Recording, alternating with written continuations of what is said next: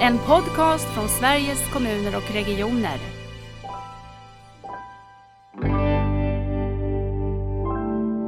I Sörmland ungefär 15 år hälso och sjukvård kommunal regi och sen är det 150 år i regionen. Det är klart att det hinner ju hända lite på den här tiden. Och det tänker jag ibland att man kanske glömmer bort. Eh, Känna så här, ja men jag är rätt, även fast du inte är rätt. Det är liksom någonstans grunden tänker jag.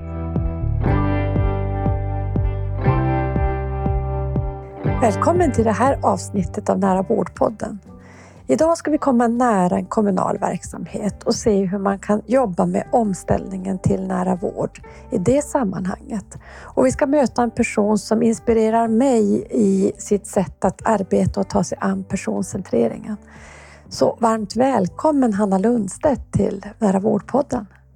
Tack snälla Lisbeth, vad kul att man kan inspirera. Ja, verkligen, det gör du.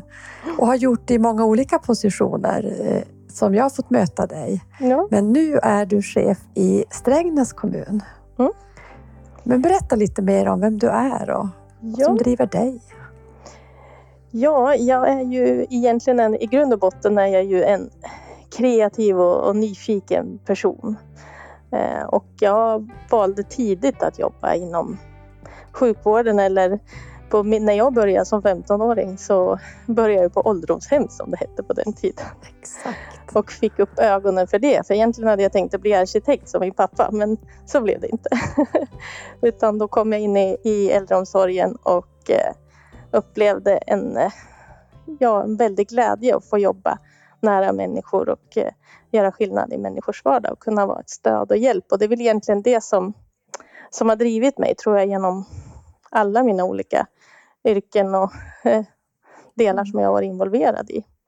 Att liksom kunna göra skillnad. Och jag tror att väldigt många av oss som jobbar i vården har ju valt det för att man vill hjälpa andra människor eller göra skillnad. Verkligen. Eh, Det är ju det som är grunden. Sen handlar det också om att hitta en balans så att man inte hjälper för mycket också. Det är ju det där med egenvården. Att kunna vara, vara ett stöd i det utan att ta över. Det är en väldig balans det där.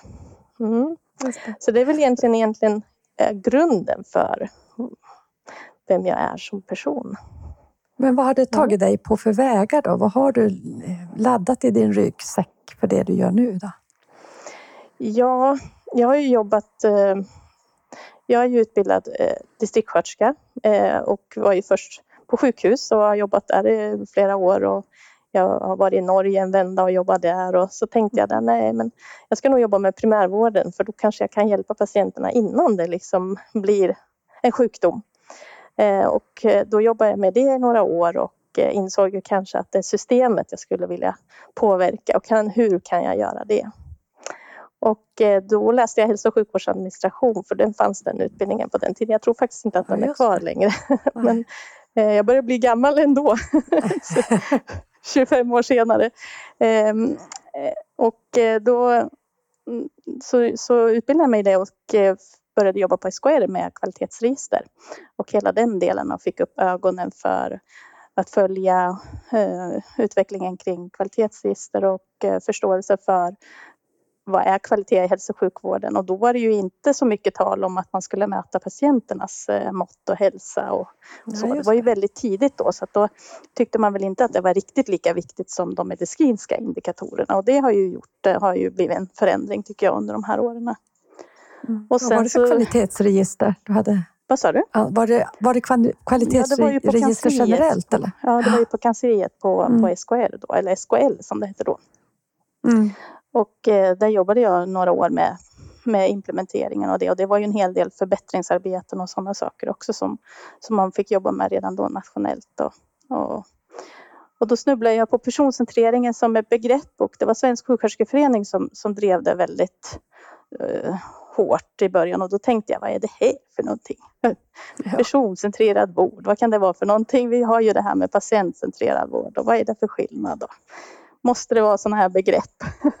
Men sen slutade det med att jag har jobbat fem år både regionalt och övergripande med, med, implementering av personcentrerad i vård i landstinget Sörmland eller Region Sörmland som det heter nu. Ja, men Så, vad är det eh, för skillnad då mellan patientcentrerad och personcentrerad? Ja, det är ganska du? stor skillnad faktiskt. Ja. Eh, En patient är dessutom en någon, ett, ett objekt också som man liksom har bestämt att det liksom är eh, någon som man liksom placerar en massa saker. Jag vet inte, jag tror att det var på en konferens eller om det var någonstans, men det var i alla fall en patient som berättade för mig att, att hon kände sig som en julgran. Eh, Mm. Som man hängde upp en, liksom en massa saker på och sen så liksom dansade alla runt omkring. Men jag såg liksom inte själv vilka saker, vad har jag för någonting? Vad är det som är, vad hänger på mig? Ungefär så, så upplevde hon liksom tjänsterna. Och det där tyckte jag var eh, en sån där ögonöppnare utifrån att eh, vi måste involvera patienterna på ett helt annat sätt. För att eh, det här patientcentrerade blev ju väldigt liksom att det är en person som man levererar en massa tjänster till men man ser liksom inte till att det har effekt i människors liv och vardag. Och en, en, jag hörde ju, eh, du pratade ju med Sara Riggare här som Mm. nyss släpptes den podden när eh, det här spelas in i alla fall. Och, eh, hon pratade ju om sina blåa prickar och för mig var det en sån, eh, det var, jag såg den första gången när hon visade den på patientsäkerhetskonferensen. Och jag var en av dem där som faktiskt grät när hon visade.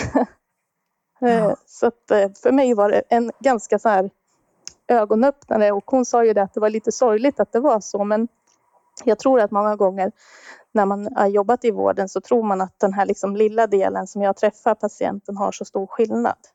Men som Mm. Sara förklarade så är det ju väldigt viktigt att den lilla delen har en stor, att det innehåller en bra kvalitet. Och även om du är inlagd ett halvår på sjukhus så tillbringar du ju otroligt mycket tid med dig själv. Och det är ju den Mm. egna vården som måste fungera. Och där tycker jag att personcentreringen är väldigt tydlig i det, att det här med att skapa delaktighet och eh, eh, vad ska jag säga, stöd för att kunna vara delaktig. Inte bara lägga krav på att du måste vara delaktig. För jag tycker det där kan vara ibland att man pratar ofta om att, eh, att man ska vara eh, delaktig i... Vi ska, du ska vara delaktig i din vård. Men för, för mig handlar det om att vi ska ha organisationer som skapar förutsättningar för att du ska kunna vara delaktig på den nivån som passar dig. Jag Ja. tänker det är två helt olika saker. Verkligen. Mm. Och jag tänker också att den här bilden med prickarna, den gör ju, jag tycker också den är så fantastisk.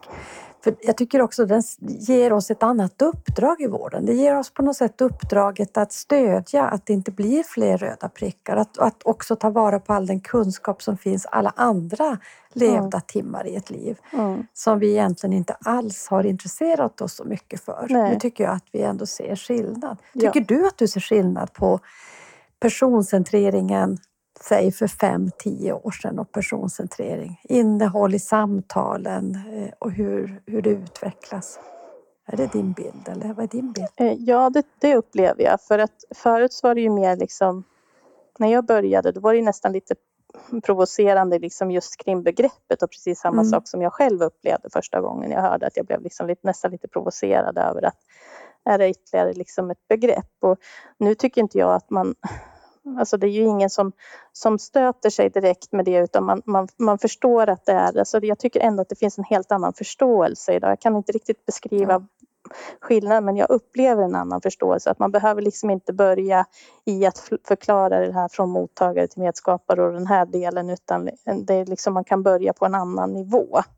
Och Mm. det finns ju mycket mer nu i, i våra styrdokument. Det finns till exempel i utredning för god och nära vård eh, och, och alla de där delarna. Så jag tänker att man har ju Alltså det, det finns ett helt, en helt annan liksom prat och förståelse kring personcentreringen som gör att man kan Mm. liksom börja på nästa nivå.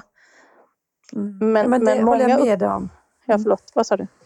Nej, men det håller jag med dig om. Men fortsätt. Många upplever... Ja, men, men det jag upplever, alltså, jag tror att väldigt många upplever att de vill jobba personcentrerat men att de inte alltid har, har förutsättningarna för det. Och jag tycker att i början så var rörelsen handlade väldigt mycket om vad du skulle göra i enskilda mötet.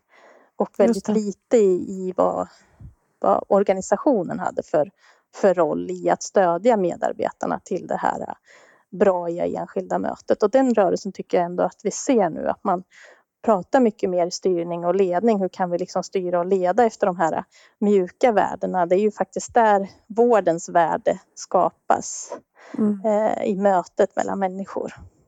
Mm. Så jag tycker liksom att, att man kan se den här det skiftet på något vis i, i det här sättet mm. att se. Det är intressant att den har liksom flyttat sig, inte bara vara mikronivån och ett åläggande på mikronivån mm. utan också att vi ser förutsättningar. Jag håller med dig, jag tycker att jag ser en, en skillnad och det glädjer mig väldigt mycket som också har jobbat med de här frågorna under lång tid.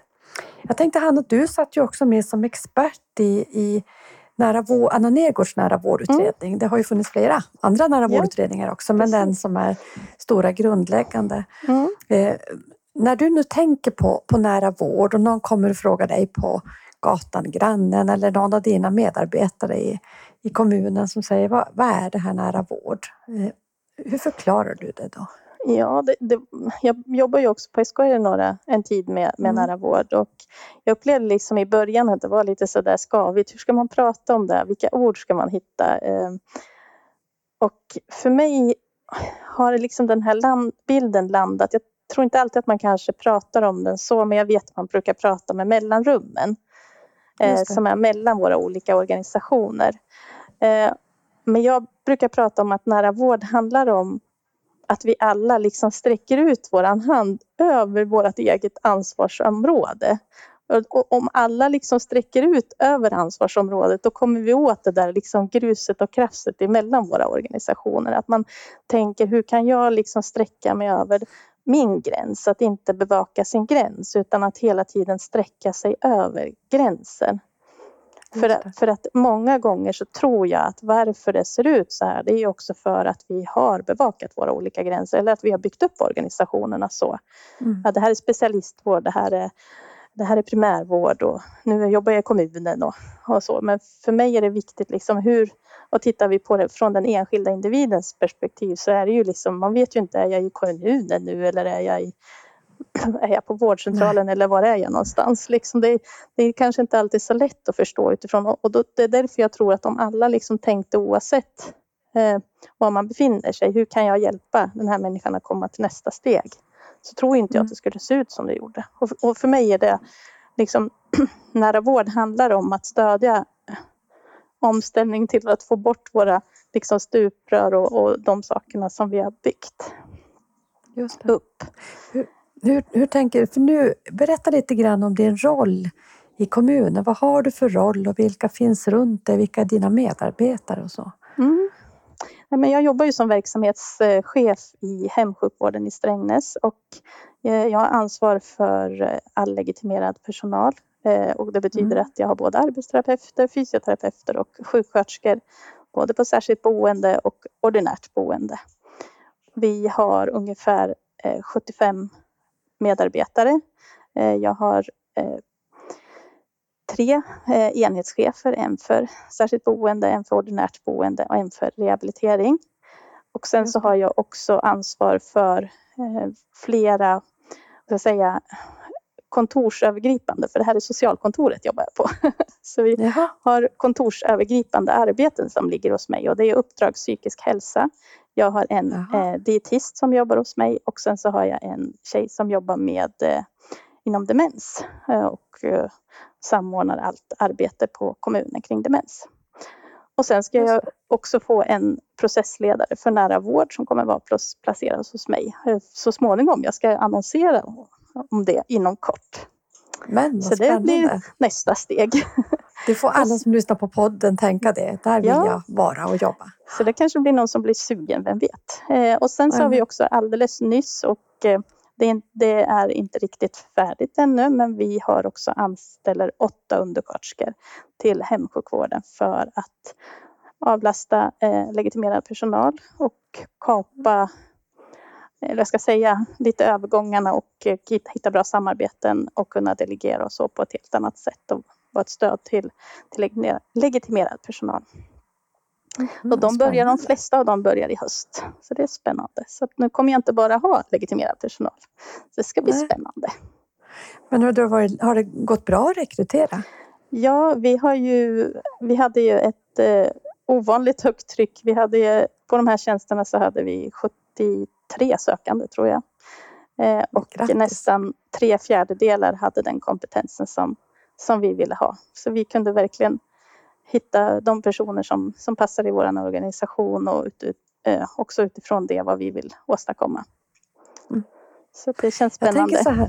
Mm. ja, det måste jag säga, det, grattis. Det är ju också ett tecken på att det är en organisation man vill jobba i, tänker jag. Ja, och sen så har det ju också medfört att när vi har gjort det här så har vi också fått lite krokar på, eh, på sjuksköterskor som då har fått upp ögonen för oss. Så att vi har också kunnat rekrytera sjuksköterskor. Så det har varit kul. Även om vi inte har alla tjänster tillsatta så känns det i alla fall som att det är någonting som har vänt.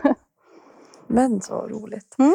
Jag tänker när du pratar om det här med de här utsträckta händerna och samarbetet över gränserna och inte vara gränsbevakare. Hur tar ni eh, och du och dina, de medarbetare som finns i din verksamhet er an omställningen till nära vård? Hur, hur jobbar ni med det?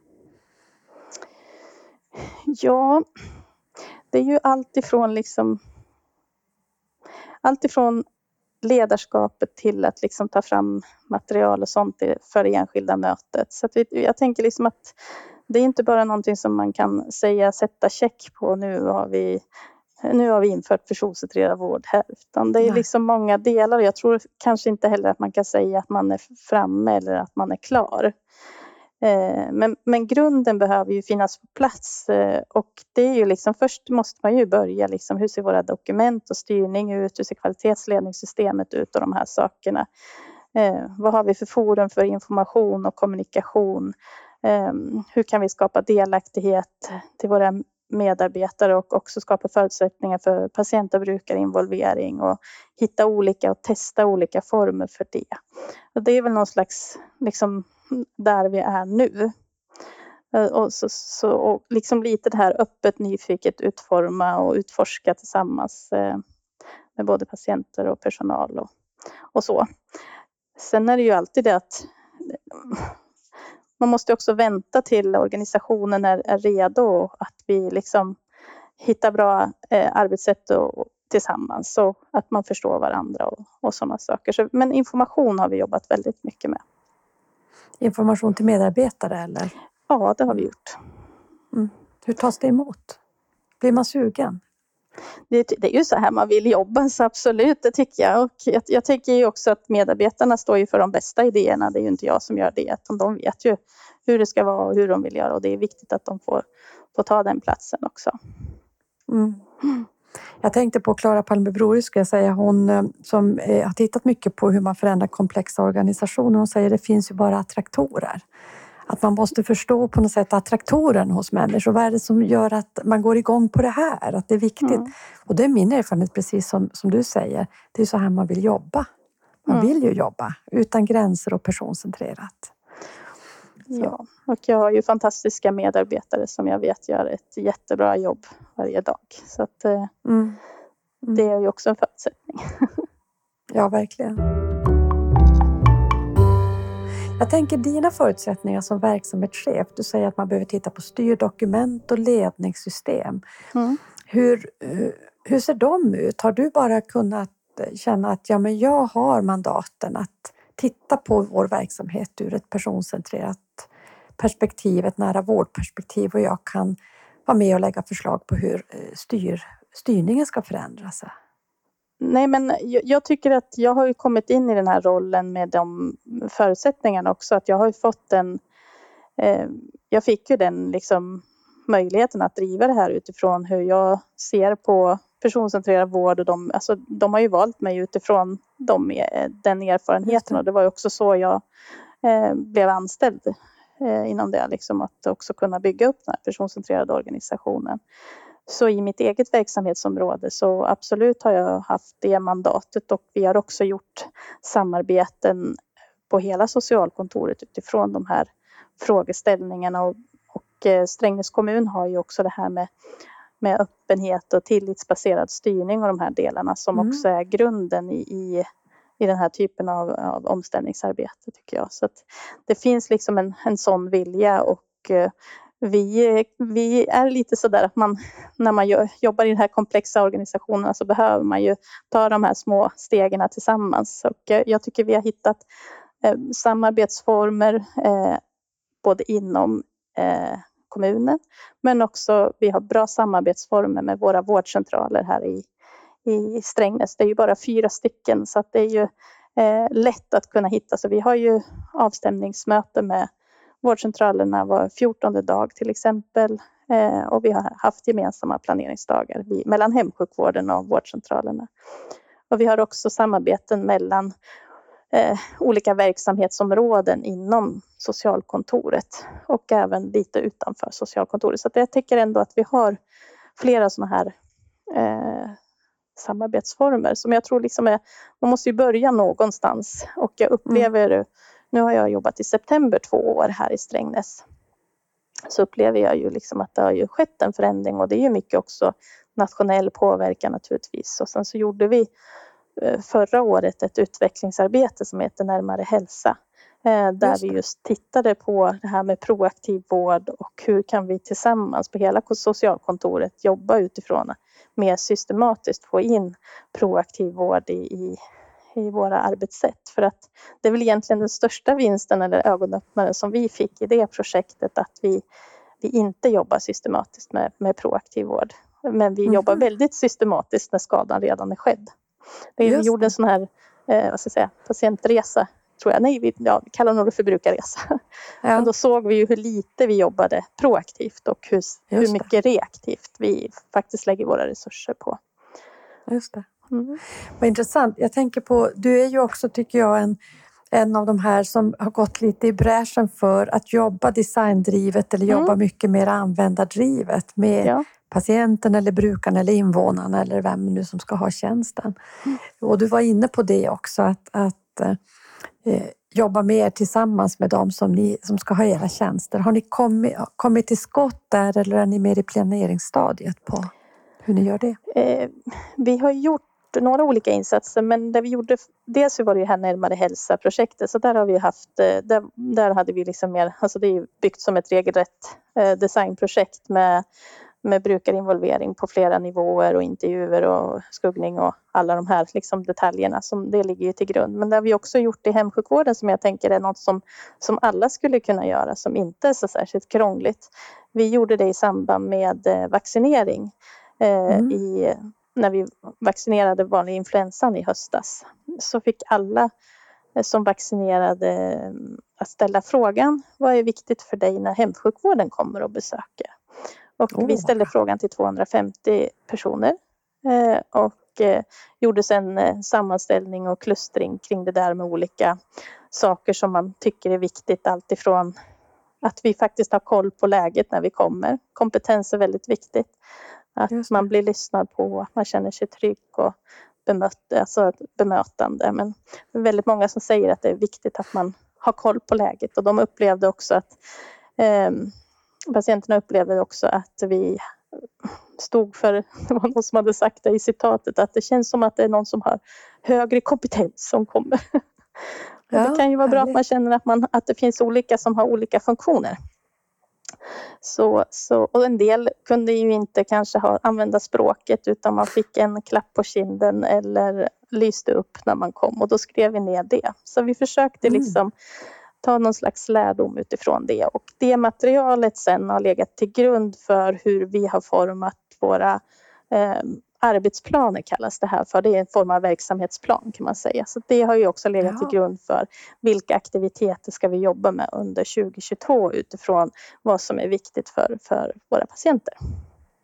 Vad intressant och mm. precis som du säger också inte jättesvårt att genomföra. Nej, och sen är det väl inte liksom, det är ju inget så här supernyheter och så, men jag tror ändå att det, det blir att ställa en annan typ av frågor i alla fall. Jag så. tänker ändå också att det blir ju, man kan inte värja sig heller. Då ser man ju, även om det kanske inte bara är nyheter, så känner man att det här är ju det som de som vi mm. möter har sagt. Mm. Att det är viktigt. Mm. Och att ta hand om det systematiskt på det sättet. Jag tänker på de här kontakterna med vårdcentralen som du också pratar om, det här med utsträckta händer.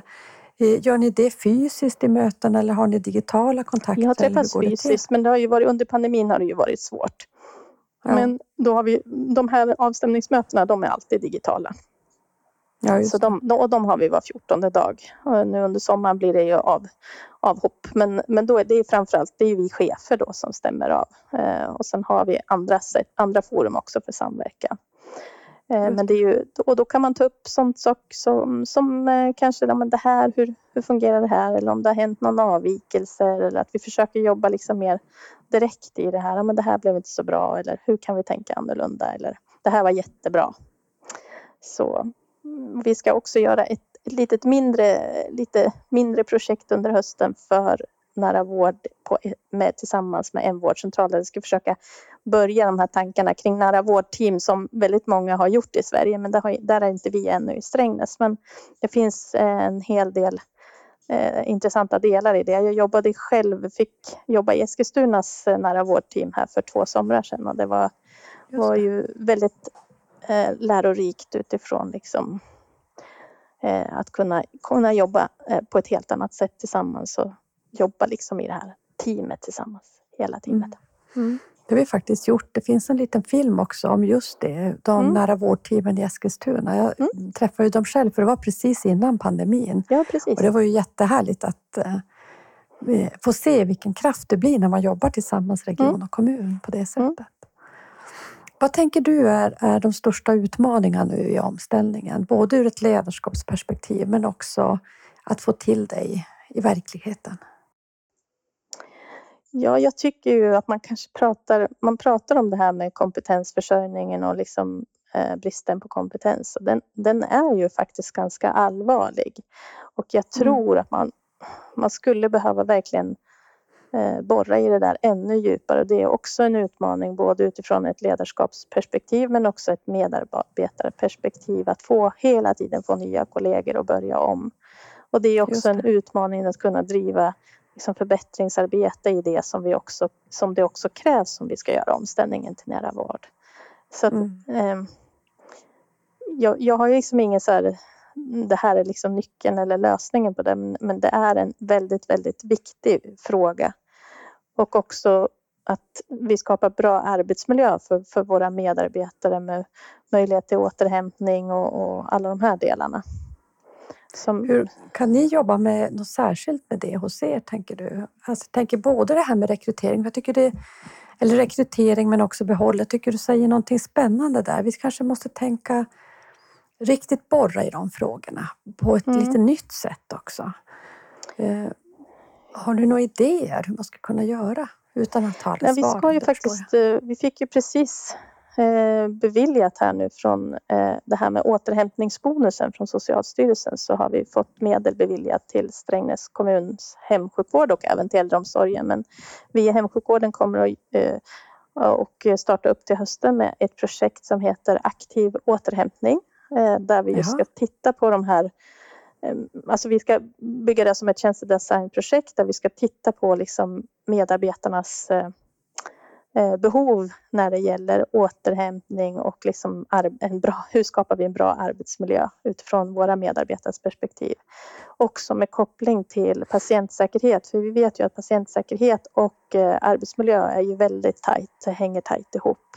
Så att jag kanske kan svara på den frågan lite bättre sen. För jag ah. tänkte att vi skulle vara lite utforskande så att jag ska inte gå på en lösning. Jag har tankar naturligtvis Nej. men jag tänkte att jag inte ska fastna för mycket i, mina lös i lösningarna utan att vi ska kunna mm, se det. Så det blir under hösten i alla fall. Så det kändes jättekul att vi, att vi fick det här. Så vi hade ju tänkt att jobba med det eh, men nu kan vi göra det kanske ännu djupare. Eller tanken är ju att det ska bli ännu djupare liksom än, än vad som var möjligt innan de här medlen kom. Så det är jättepositivt tycker jag. Eh, för jag tänker just bara det att tänka att man ställer frågan vad är återhämtning för dig? Eller hur ser mm. återhämtning ut? Att börja utforska vad återhämtning är så man inte är så snabb i tanken på vad återhämtning är och hur den ser ut och hur den kan utformas. Ja, för jag tänker det är, väldigt, det är väl egentligen också som, som personcentreringen i sig så är ju den också så att vi, vi har ju om man tittar på personcentreringen så är det så ofta så att man erbjuder samma sak till, eller inte personcentrering, jag menar vården, att alla det ska vara lika. Men personcentreringen handlar ju om att göra olika för att det ska bli jämlikt. Att alla har ju Precis. olika förutsättningar. Jag tänker det är ju samma sak med, med både ledarskapet och medarbetarskapet, att vi behöver liksom vara det här att anpassa det till flera människor, att det är ju liksom utmaning i det. Att, mm. att hitta bra lösningar som passar för alla. Mm. Mm. Jag tänker mycket på ett personcentrerat ledarskap. Där är ju frågan lika viktig. Vad, vad är mm. viktigt för dig? att lära mm. känna den enskilde. Sen, sen ställde du väl lite frågan om det här också med, med eh, vad, liksom, vad, vad, är de viktigaste delarna? Så jag tänker liksom att kompetensförsörjningen och, och sen eh, digitaliseringen pratar ju alla om och digitaliseringen mm. är viktig men den behöver också komma med rätt förutsättningar för digitalisering. Att vi behöver ha både kunskap och kompetens och än så länge är vi ju fortfarande väldigt i, liksom, jag tror i barnsbenen där så att vi, det behöver så otroligt mycket mer eh, liksom, kunskap för att det ska avlasta vården för där är vi ju inte ännu utan det kommer nog ta Nej. tid innan, innan den, den är där. Tror Ser du skillnad tycker du på arbetet i regionen och digitalisering och arbetet i en kommun och digitalisering? tänker du kommer ändå för inte så länge sedan från också varit nära en region. Ja, ju de flesta åren i regionen och sen har jag ja. jobbat på SKL så där får man ju tränas Precis. i liksom att ha det kommunala perspektivet på ett helt annat sätt. Då. Men, men eh, ja, alltså man har ju lite olika förutsättningar. Men jag säger, det är generellt om jag säger också med hälso och sjukvård i kommunal regi. Det är ju också väldigt nytt och ungt egentligen. Eh, mm. Och det tänker jag ibland att man kanske glömmer bort och har liksom för höga förväntningar också för att liksom kompetensen finns inte där heller. Och man, styrningen är ju inte heller riktigt där utifrån eh, att, man, att man har förståelse för att, kommunal, att vi bedriver hälso och sjukvård i kommunal regi. Eh, det tänker jag att det är ju det är ju någonting som, som mer och mer börjar fungera. Men jag tänker att det är ju om man har i Sörmland ungefär 15 år hälso och sjukvård kommunal regi ja. och sen är det 150 år i regionen. Det är klart att det hinner ju hända lite på den här tiden.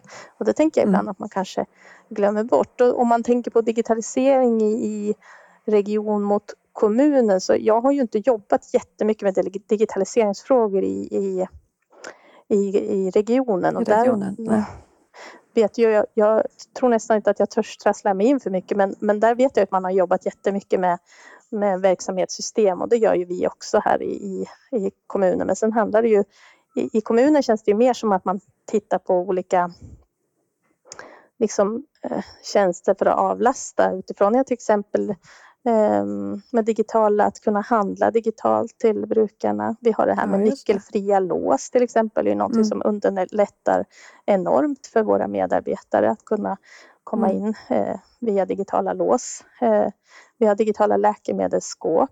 Eh, vi har digital signering. Det är väl en av de här stora grejerna i alla fall som vi har just nu. Just och sen så läkemedelsfördelaren då som är eh, precis i början. Så det är väl de här stora grejerna. Så det, jag tror att i regionen kanske det handlar mer om kanske saker som eh, eh underlättar eh, eh, jag vet inte, operationer och andra saker. Kanske telefonrådgivningen finns det mycket stöd där utifrån det och e-, egenvård och, och sådana saker. Mm. Jag tycker det är ändå intressant det du beskriver på den kommunala sidan. Det är ju också tjänster som påverkar i väldigt hög grad direkt mot brukaren. Om man säger. Mm. En läkemedelsfördelare, jag tänker det är en läkemedelsrobot som mm. andra säger, är det ja. Mm, precis. Och, och, ja, och, kunna handla digitalt och så. Jag tänker också bara kommunikationen med närstående digitalt som man måste ha fått träna mycket på under pandemin. Det är ju inte något high tech så, men det är ju ändå nya sätt att ha relationer med omvärld. Ja, så jag vet jag just det, regionen gör ju också det här med eh, alltså video, kunna ha videosamtal med sina mm. eh, och där, där tänker vi också att det är sånt som vi också tittar på. Det, ja, just det. det är också ett sätt att kunna komma närmare. Men du var ändå inne på att du tänker att digitaliseringen kanske inte är riktigt den stora kraften som eh, eh man ibland kan tänka eller? När det gäller nära Ja, men alltså jag tror ju att den är nödvändig. Eh, den är mm. absolut mm. nödvändig. Men, men jag tror också att vi får inte glömma bort det här eh, vikten av det här relationella och, och liksom att vi som är människor träffar människor och att man kommer in i människors liv. Liksom det är ju någonstans grunden i det. Sen tror jag digitaliseringen kan ta bort allting som är liksom... Vi människor gör ju mycket robotgrejer ja, saker och matar in saker och ta, som tar bort en massa tid för, liksom, för mötet med människor. Och det är det jag mm. hoppas att digitaliseringen ska göra för oss. att Mm. frisätta tid så att vi kan träffa våra eh, patienter och brukare. Just det. Det Och att de också där? ska kunna prata med oss på flera olika sätt utifrån vad deras behov är. Det kan Just ju vara en del vill kanske inte träffas fysiskt utan de kanske vill ha, så det, det är bra att man har olika tjänster för olika behov. Just det. Mm. Och hur vet man vem, hur, hur vet man vilken tjänst som passar vilken person då? Ja, då måste man börja med att fråga, Ja, tänker jag. ja Vad passar dig bäst? precis. Hur vill du komma i kontakt med oss? Ja.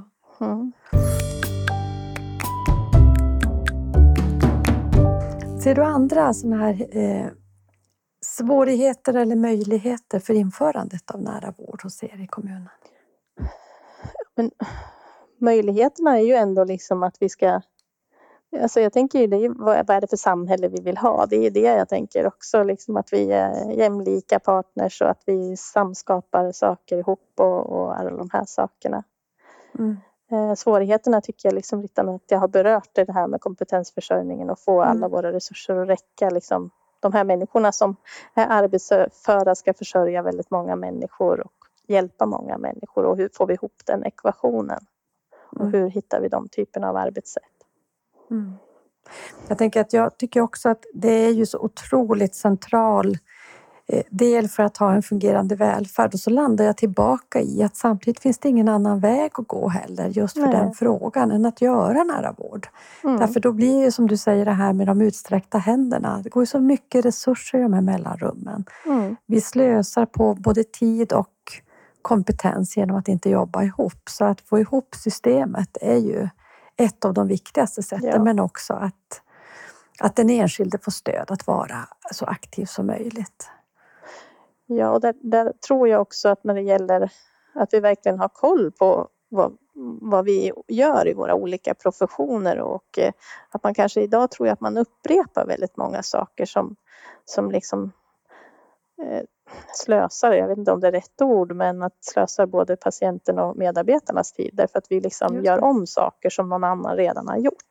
Och där Mm. tror jag att våra system skulle kunna hjälpa oss att liksom ha förståelse för vad gjorde steget innan mig och vad viktigt att liksom jag sätter fokus på och inte alltid liksom att det är brukaren och patienten som ska bära den typen av information.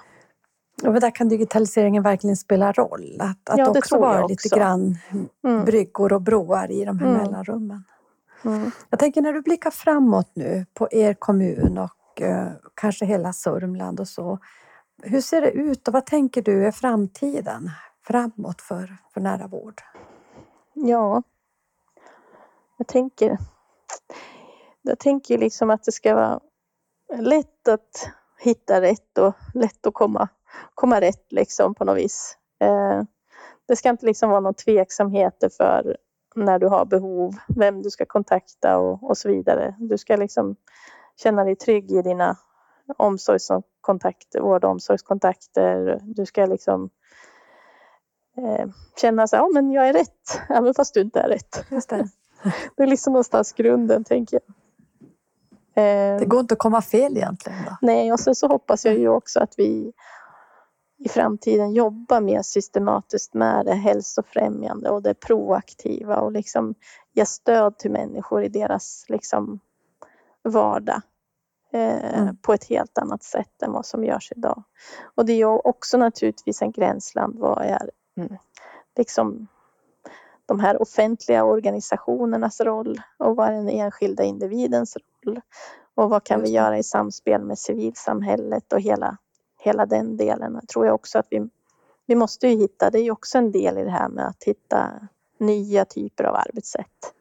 Mm. Så jag, jag, tänker liksom och sen så hoppas jag ju också naturligtvis att vi kan följa omställningen till nära vård med någon slags mätetal på något vis. Eh, Ja, jag tycker det är precis. liksom lite, det är lite tunt där på den fronten. Men Fronten. det tänker jag att ni har ju börjat bygga. Jag har sett det här lilla första förstadiet till eh, de här siffrorna. Så att man, jag tänker det är viktigt att vi matar ju in massor med data i våra system varje dag. Och Mm. hur kan vi använda den datan som redan finns Mm. istället för att uppfinna nya sätt att liksom mäta. Hur kan vi hitta system att liksom få ut den här datan som redan finns? Just Så det. att vi kan se att det blir bra kvalitet för den enskilde individen. Mm. Det är väl lite sån där väldigt fluffig eh, visionsbild.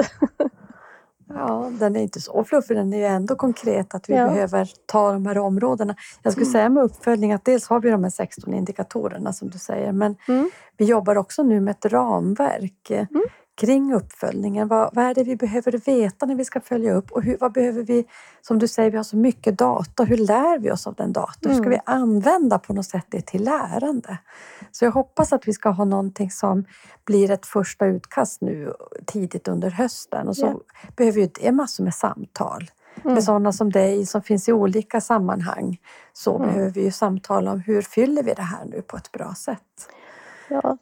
Så det är liksom de stora frågorna som jag klurar på nu. Det är liksom hur skapar vi en bra arbetsmiljö? Hur Ja. kan vi hitta tal och mäta och följa att vi gör rätt saker? Liksom?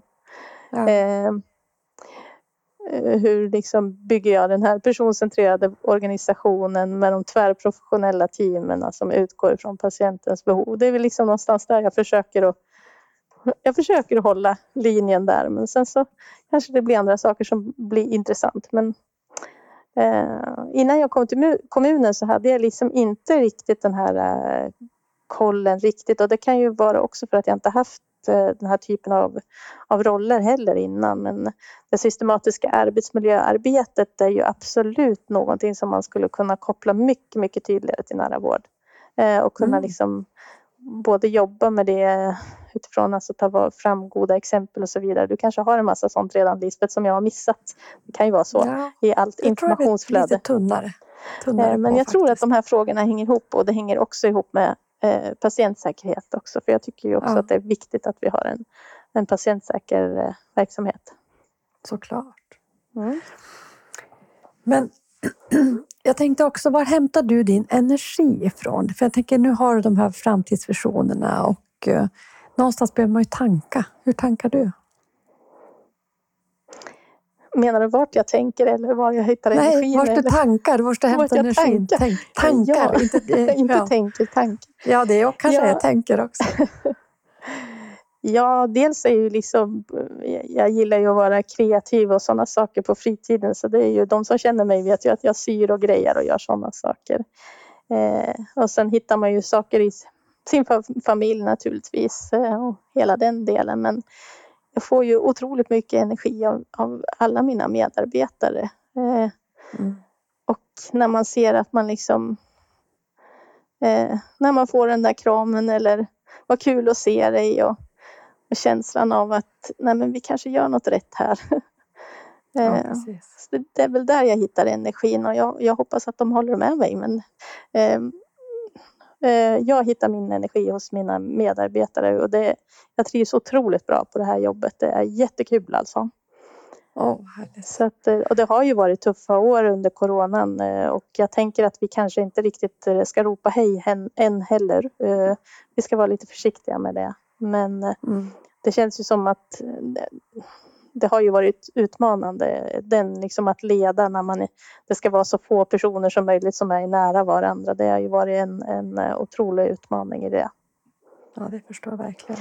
Att, eh, Och en verksamhet som har varit så granskad på olika Mm. sätt utan kanske så mycket av, av resurser och stöd. Så det är ju fantastiskt, fantastiska insatser som är gjorda i den Mm. kommunala hälso och sjukvården. Jag Och förmågan att kunna sluta- ställa om, tänker jag också att vi har gjort så många gånger som vi har ställt om. Och jag är Ja. så imponerad över medarbetarnas förmåga att kunna ställa om så många gånger. Det är för mig Mm. helt ofattbart att vi har den Mm. förmågan som människor. Att vi Mm. kan göra det. Så, Förstår. mm. Är det någonting, jag tänkte vi ska avsluta med, med nära frågan, men är det någonting som du inte vi inte har pratat om? Som du tänker, det här vill jag ju faktiskt säga eller berätta om. Nej, jag tycker att vi har haft ett roligt samtal. Så tänker man, vad har jag sagt? Har jag sagt någonting som någon annan vill höra? Det vet man aldrig. Det är alltid den där lilla osäkerhetskänslan hos mig. Ja. Eh, Men eh, eh, nej, men jag tror nog att jag har fått säga det jag ska säga. Ja. Men vad är då nära för dig? Alltså nära för mig, det är ju egentligen de människor som är, är viktiga för mig. Det är liksom de när, min, min familj, mina barn och min mamma och det. Det är, det är liksom Mm. det är där jag är nära. För nära är ju i relation med någon annan. Nära är ju inte ett ensam begrepp egentligen. Så, så ser jag på nära. Vad fint. Det är inte ett ensamt begrepp. Det var härligt. Mm. Stort tack för att du ville vara med Hanna. Ja, tack snälla du.